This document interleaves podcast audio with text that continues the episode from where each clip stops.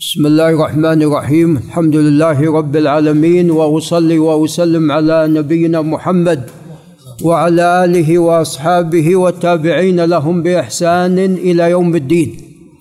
أما بعد فسمعنا من الشيخ عبد الرحمن وفقنا الله وإياه قراءة بعض الآيات التي جاءت في سورة فصلت وهي في الحقيقة آيات عظيمة وكل القرآن عظيم.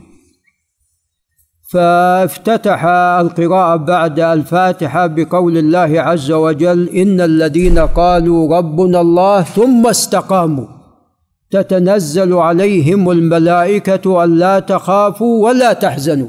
وأبشروا بالجنة التي كنتم توعدون نحن أولياؤكم في الحياة الدنيا وفي الآخرة.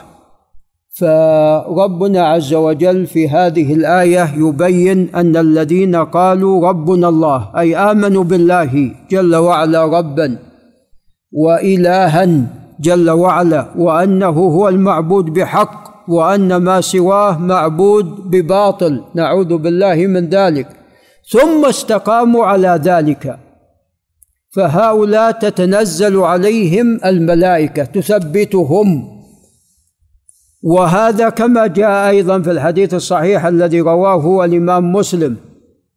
عندما سئل عليه الصلاة والسلام عن يعني ما ما الذي يجعل الإنسان مستقيم وما وما هو الذي يجعل الإنسان قريب من ربه عز وجل. قال قل آمنت بالله ثم استقم. قل آمنت بالله ثم استقم. نعم. فالإنسان إذا آمن بالله جل وعلا واستقام على ذلك فليبشر بخير الدنيا والآخرة وبسعادة الدنيا والآخرة وأن الله عز وجل يثبت هذا العبد. وهذه هي سنة الله عز وجل مع عباده وأوليائه أنه جل وعلا يثبتهم. وأنه كافيهم جل وعلا فسيكفيكهم الله وهو السميع العليم. حمك الله. وقد كفى الله عز وجل نبيه كيد الكافرين واستهزاء المشركين وتجمع الأحزاب الضالين عليه وعلى أصحابه فكفاهم ربنا عز وجل ذلك كله. سبحانه وتعالى بل القى الرعب في أعدائه من مسيرة شهر. وأن هذا أيضا يرجى أنه يحصل لأمته من بعده صلى الله عليه وسلم وهو إلقاء الخوف في قلوب الأعداء من مسافة بعيدة وأن هذه المسافة مسافة شهر. نعم. وهذا كله من تأييد الله جل وعلا لعباده. وكما ذكر الإمام أبو العباس بن تيمية رحمه الله أن المسلمين لا يهزمون إلا بسبب ماذا؟ إلا بسبب ذنوبهم نعم. وأنهم إذا أتوا وأنهم إذا أتوا بالعدة المعنوية والحسية فالنصر حليف لهم لا محالة. النصر حليف لهم لا محالة.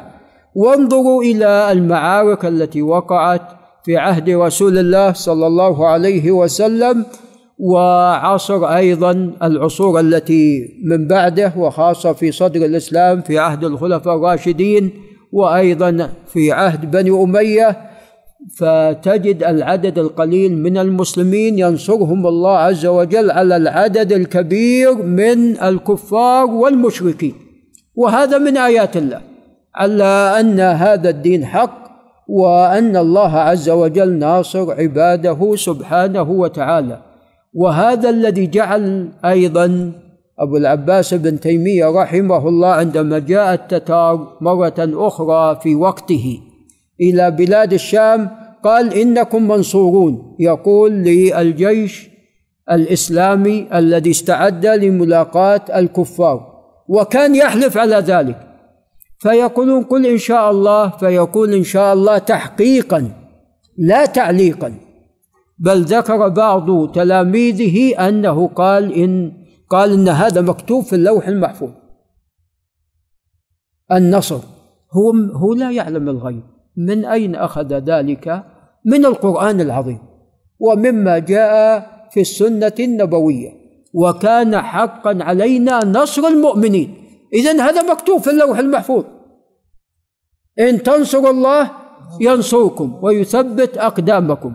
فعندما رأى أن المسلمين قد استعدوا العدة الحسية والمعنوية قال خلاص النصر إذا حاصل حاصل. نعم. فمن كان مع الله فلا شك أن الله عز وجل يكون معه. فأهم شيء أن تكون أنت مع ربك جل وعلا. وقد قال ربنا عز وجل ولو أن أهل القرى استقاموا ولو أن أهل القرى آمنوا واتقوا لفتحنا عليهم بركات من السماء والأرض. بركات من السماء والأرض.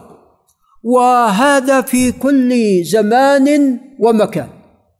إذا حصلت الاستقامة فتجد الخير والبركة والرزق وكثرته ومباركة الله عز وجل.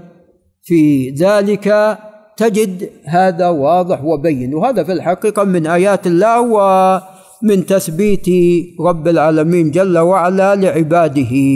نعم ونسأل الله عز وجل أن ينفعنا وإياكم بما جاء في كتاب الله وما جاء في سنة رسول الله صلى الله عليه وسلم. وأن يجعل كيد الكائدين في نحورهم وأن يجعل ما يكيد به هؤلاء يكون وبالا عليهم. إن الذين كفروا ينفقون أموالهم ليصدوا عن سبيل الله فسينفقونها ثم تكون عليهم حسرة ثم يغلبون. والذين كفروا إلى جهنم يحشرون. نعم قال الإمام أبو البركات المعروف أبو البركات عبد السلام بن عبد الله بن محمد بن علي المعروف بن تيمية الحراني وهو جد أبي العباس بن تيمية. قال في كتابه المنتقى من أحاديث الأحكام قال رحمه الله تعالى أبواب السترة أمام المصلي وحكم المرور دونها.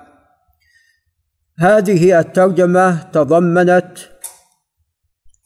مسألتين المسألة الأولى السترة وتكون أمام المصلي. والمسألة الثانية حكم المرور دون السترة. نعم هذه هي المسألة الثانية. أما ما يتعلق بالمسألة الأولى فالسترة سنة.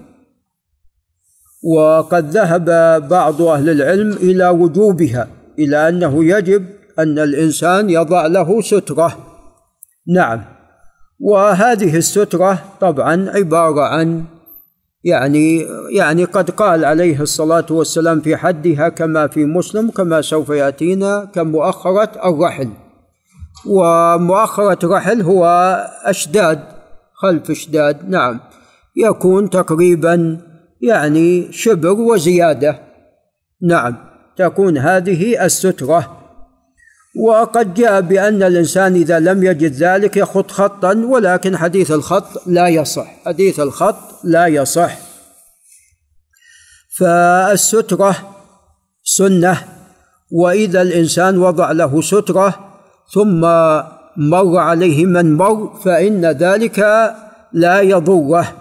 نعم لا يضره ولا يؤثر عليه في صلاته. والذين يمرون هم على قسمين. القسم الأول من إذا مروا تبطل الصلاة بمرورهم.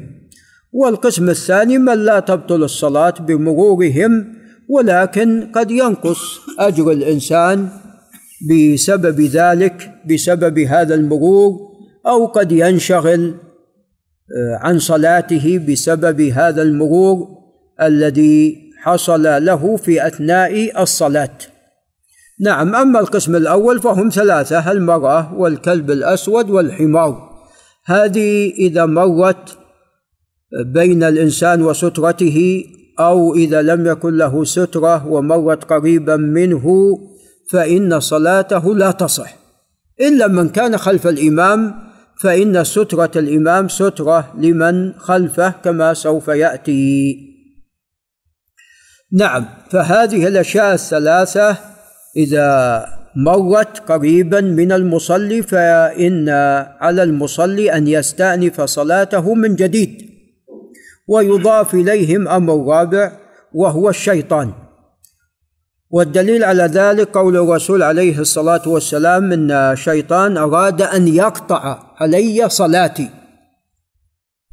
حتى مسك عليه الصلاة والسلام حتى وجد برد لعابه على يده الشريفة صلى الله عليه وسلم. نعم. فهذه الأشياء تبطل صلاة الإنسان إذا مرت قريبة منه. نعم. طبعا يستثنى من ذلك الأماكن التي يكثر فيها الناس. وتزدحم بالناس. فهنا قد يشق على الإنسان أن يتقي هذه الأشياء أو حتى فيما يتعلق بالأمر الثاني. ولذا استثنى جمع من أهل العلم المسجد الحرام ومثله المسجد النبوي وذلك لكثرة المصلين فيه وكثرة الناس فيه.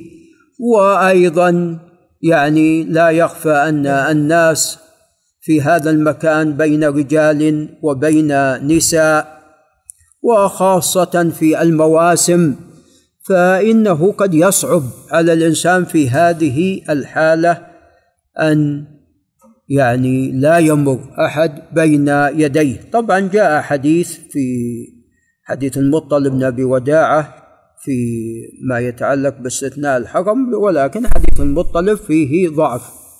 نعم. قال باب نعم. قال وحكم المرور دونها نعم تقدم ذلك. نعم. وأنه طبعا عندنا الشخص الذي يصلي وعندنا المار الذي يمر عليه. فالشخص الذي يصلي عليه أن يتخذ سترة وبالنسبة للشخص الذي يمر بين وبالنسبة للشخص عليه أن يتقي المرور. وسوف يأتينا أنه لو كان يقف أربعين لكان خيرا له ولا يمر بين يدي المصلي. قال باب استحباب الصلاة إلى السترة والدنو منها والانحراف قليلا عنها والرخصة في تركها. هذه المسألة تضمنت هذه عفوا هذا التبويب تضمن أربع مسائل استحباب الصلاة إلى السترة. فالمصنف يرى أن آه، الصلاة إلى السترة أن ذلك مستحب وهذا مذهب جماهير أهل العلم. ولعله هو الأقرب لأن الأمر بذلك لم يثبت. قال والدنو منها. فمن السنة أن تدنو من السترة. وهذا هو المقصود منها. نعم هو أنها أنك تضع السترة بين يديك في أثناء الصلاة. نعم وكان قد كان عليه الصلاة والسلام يجعل ما بين موضع قدميه الشريفتين إلى الجدار ثلاثة أقدام تقريبا فيسجد في قدمين ويكون بينه وبين سترته بين محل سجوده وسترته ممرشات يعني نحو القدم ونحو ذلك نعم. وهذا قد جاء طبعا يعني أيضا في عندما دخل الكعبة عندما صلى إلى جدار الكعبة عليه الصلاة والسلام هذا ممرشات في مسجده وعندما صلى إلى جدار الكعبة كان بينه وبين الجدار ثلاثة أقدام من موضع قدميه إلى الجدار جدار الكعبة. ثلاثة أذرع ثلاثة أذرع. نعم. قال عن أبي سعيد الخدري رضي الله تعالى عنه نعم. قال قال رسول الله صلى الله عليه وسلم إذا صلى أحدكم فليصلي إلى سترة وليدنو منها. طبعا هذا قال رواه أبو داود وابن ماجه وهذا لا يصح. هذا الخبر لا يصح. فالأمر الذي فيه بالتالي لا يستدل به على وجوب ذلك. قال وعن عائشة رضي الله عنها وعن أبيها أن النبي صلى الله عليه وسلم سئل في غزوة تبوك عن سترة المصلي فقال كمؤخرة الرحل. رواه مسلم. نعم. ومؤخرة الرحل هي الخشبه التي يستند إليها الراكب عندما يركب الدابة يركب بعيره. نعم. وهي يعني أكثر من الشبر بقليل. نعم. قال وعن ابن عمر رضي الله تعالى عنهما قال كان رسول الله صلى الله عليه وسلم إذا خرج يوم العيد يأمر بالحربة فتوضع بين يديه فيصلي إليها والناس وراءه وكان يفعل ذلك في السفر متفق عليه. نعم. فلأنه عليه الصلاة والسلام في يوم العيد يصلي بالمصلى وفي حال السفر أيضا يصلي في الأماكن الخالية فهنا صلاته ليست في المسجد في مسجده صلى الله عليه وسلم فلذا كان يأمر بوضع الحربة بين يديه صلى الله عليه وسلم ويصلي إليها والناس يمرون من وراء السترة التي هي موضوعة بين يديه. قال وعن سهل بن سعد الساعدي رضي الله تعالى عنه قال كان بين مصلى رسول الله صلى الله عليه وسلم وبين الجدار ممر شاة متفق عليه. نعم ف يعني ما كان بين محل سجوده عليه الصلاة والسلام وبين الجدار ممر جدار المسجد ممر شاة نعم. وهذا تقريبا ذراع ما بين الجدار وما بين سجوده موضع سجوده صلى الله عليه وسلم. قال وفي حديث بلال أن رسول الله صلى الله عليه وسلم دخل الكعبة فصلى وبينه وبين الجدار نحو من ثلاثة أذرع. فسجود عليه الصلاة والسلام في نحو ذراعين ويبقى ذراع هذا ممر الشاة ما بين محل سجوده وما بين الجدار جدار الكعبة ويسجد تقريبا في ذراعين عليه الصلاة والسلام. قال ومعناه للبخاري من حديث ابن عمر. قال رواه أحمد والنسائي ومعناه للبخاري من حديث ابن عمر. قال وعن طلحة بن عبيد الله القرشي التيمي رضي الله عنه قال كنا نصلي والدواب تمر بين أيدينا. فذكرنا ذلك للنبي صلى الله عليه وسلم.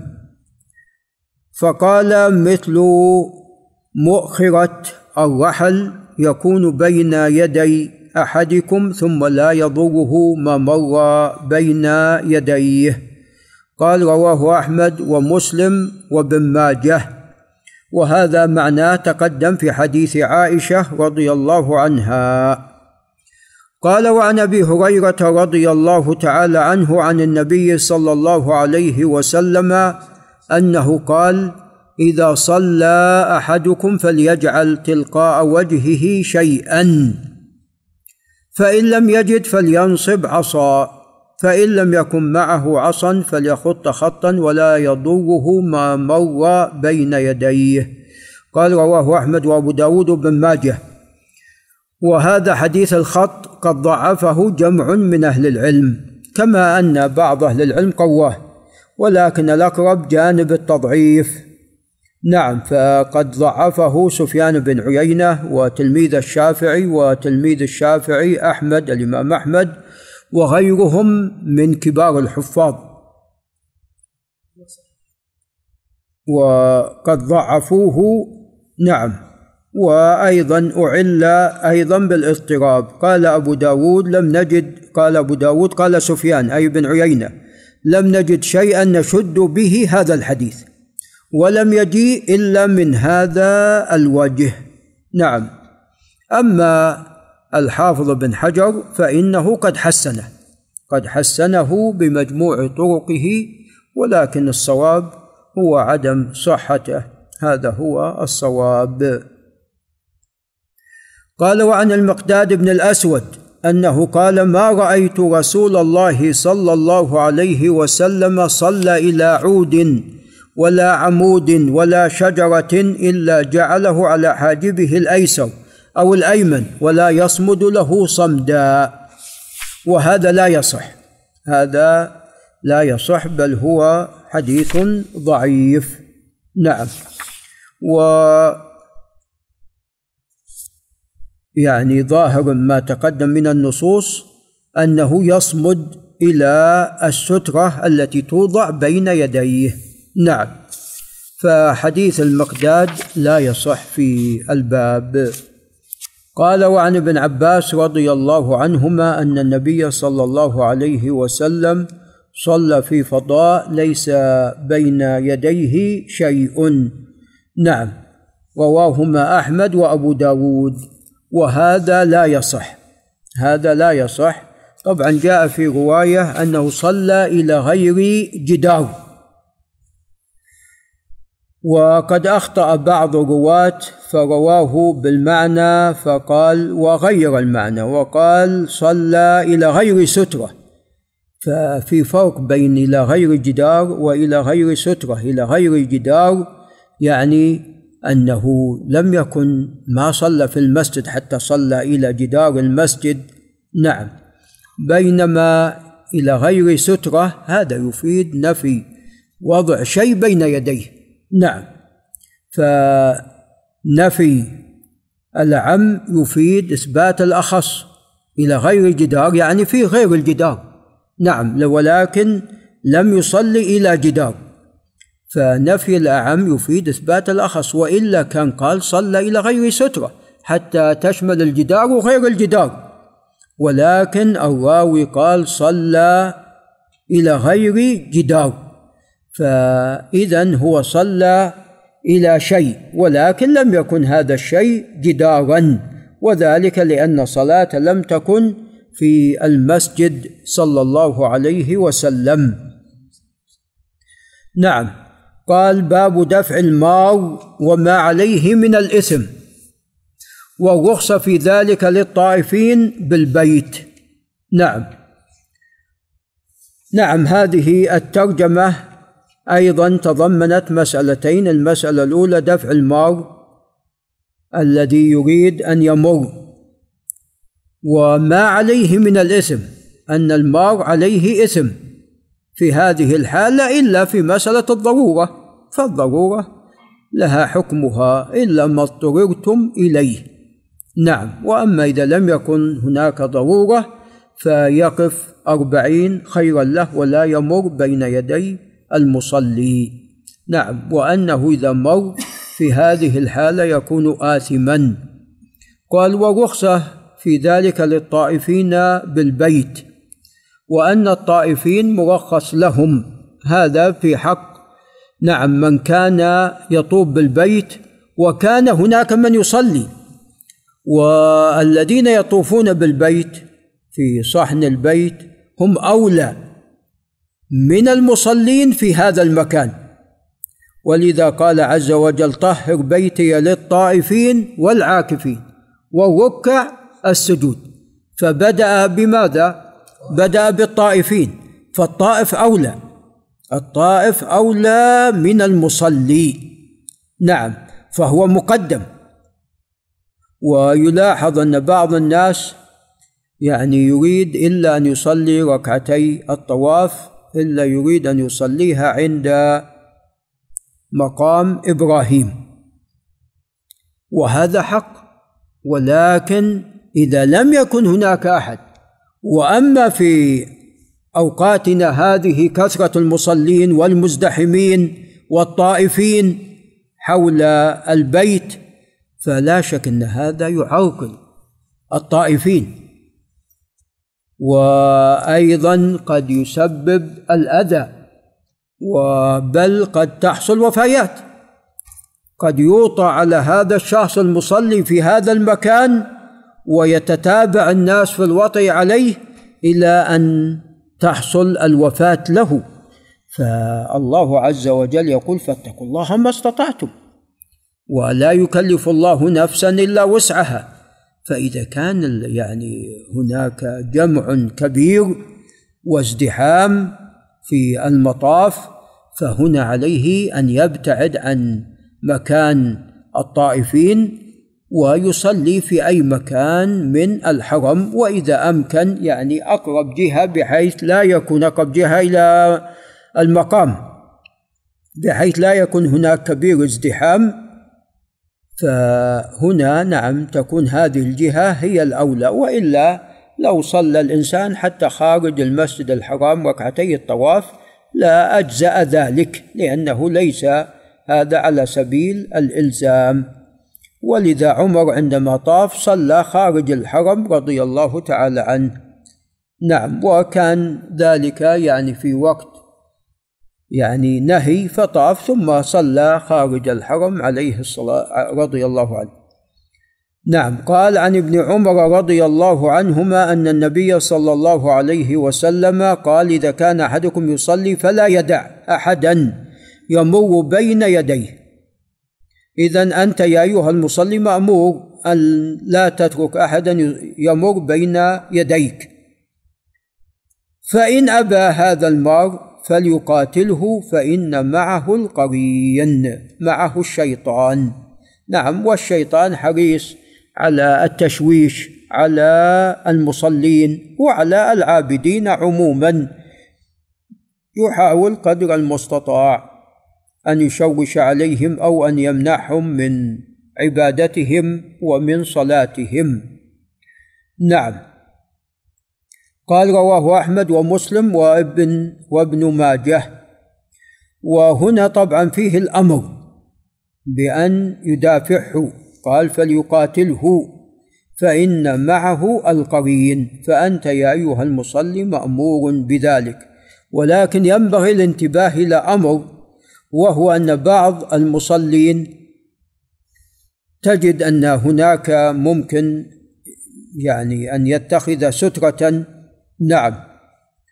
هناك سواري في المسجد وهناك متكى يتكى عليه المصلون فتجد أنه لا يأتي إلى هذه الأماكن ولا يضع سترة أيضا بين يديه بل يصلي بالوسط أو يصلي عند الباب الباب الذي يخرج منه الناس. فهذا هو الذي هذا نعم هذا هو الذي عرقل الناس. فتجد يصلي بالوسط. لماذا تصلي بالوسط؟ أو يصلي عند الباب. لماذا تصلي عند الباب؟ نعم تقدم. تقدم إلى جدار المسجد تقدم إلى سارية من سواري المسجد تقدم إلى المكان الذي يتكئ عليه يكون في مقدمة المسجد يتكى عليه المصلون. اتخذ لك سترة. ما وجدت مكان انتظر قليلا. فبعض الناس من حين يسلم يقوم ويريد أن يأتي بالنافلة الراتبة وأحيانا يكون عند الباب. فلا شك أن هذا خطأ منه في هذه الحالة. قال وعن أبي سعيد الخدري رضي الله عنه قال سمعت النبي صلى الله عليه وسلم يقول إذا صلى أحدكم إلى شيء يستره من الناس فأراد أحد أن يجتاز بين يديه فليدفعه فإن أبى فليقاتله فإنما هو شيطان. رواه الجماعة إلا الترمذي وابن ماجه. نعم. فهنا قيد ما جاء في حديث ابن عمر إذا كان هناك شيء يستره وأراد شخص أن يمر بينه وبين السترة التي وضعها. هذا المصلي فهنا ليس له عذر لهذا الشخص المر نعم مر بعد السترة. نعم ولذا قال إلى شيء يستره من الناس فأراد أن يجتاز بين يديه فليدفعه فإن أبى فليقاتله فإنما هو شيطان. رواه الجماعة إلا الترمذي وابن ماجه. قال وعن أبي النضر مولى عمر بن عبيد الله عن بسر بن سعيد عن ابي الجهيم عبد الله بن الحارث بن الصمة الأنصاري رضي الله عنه. قال قال رسول الله صلى الله عليه وسلم لو يعلم المار بين يدي المصلي ماذا عليه؟ أي ماذا عليه من الإثم كما في رواية. لكان أن يقف أربعين خيرا له من أن يمر بين يديه. قال أبو النضر لا أدري. قال أربعين يوما أو شهرا. أو سنة رواه الجماعة. وجاء في حديث أبي هريرة عند ابن حبان مئة سنة. لكان ينبغي له أن يقف مئة سنة ولكن هذه لا تصح. قال وعن المطلب بن أبي وداعة رضي الله عنه أنه رأى النبي صلى الله عليه وسلم يصلي مما يلي باب بني سهم والناس يمرون بين يديه وليس بينهما سترة. رواه أحمد وأبو داود. ورواه ابن ماجة والنسائي ولفظهما رأيت النبي صلى الله عليه وسلم إذا فرغ من سبعه جاء حتى يحاذي بالركن. فيصلي ركعتين في حاشية المطاف وليس بينه وبين الطواف أحد. نعم. طبعا تلاحظون أن لفظ النسائي يختلف. عن لفظ أحمد وأبي داود. فلفظ النسائي والناس يمرون بين يديه وليس بينهما سترة. ولفظ ابن ماجه والنسائي حتى يحاذي بركن فيصلي ركعتين في حاشية المطاف وليس بينه وبين الطواف أحد. فتجد أن الرواية الثانية تخالف الرواية الأولى. وحديث المطلب في إسناده ضعف. حديث المطلب في إسناده ضعف نعم. وأيضا يعني هذا الاختلاف في المتن مما يضعف أيضا رواية أبي داود. ولعل نقف عند هنا. هذا وبالله تعالى التوفيق.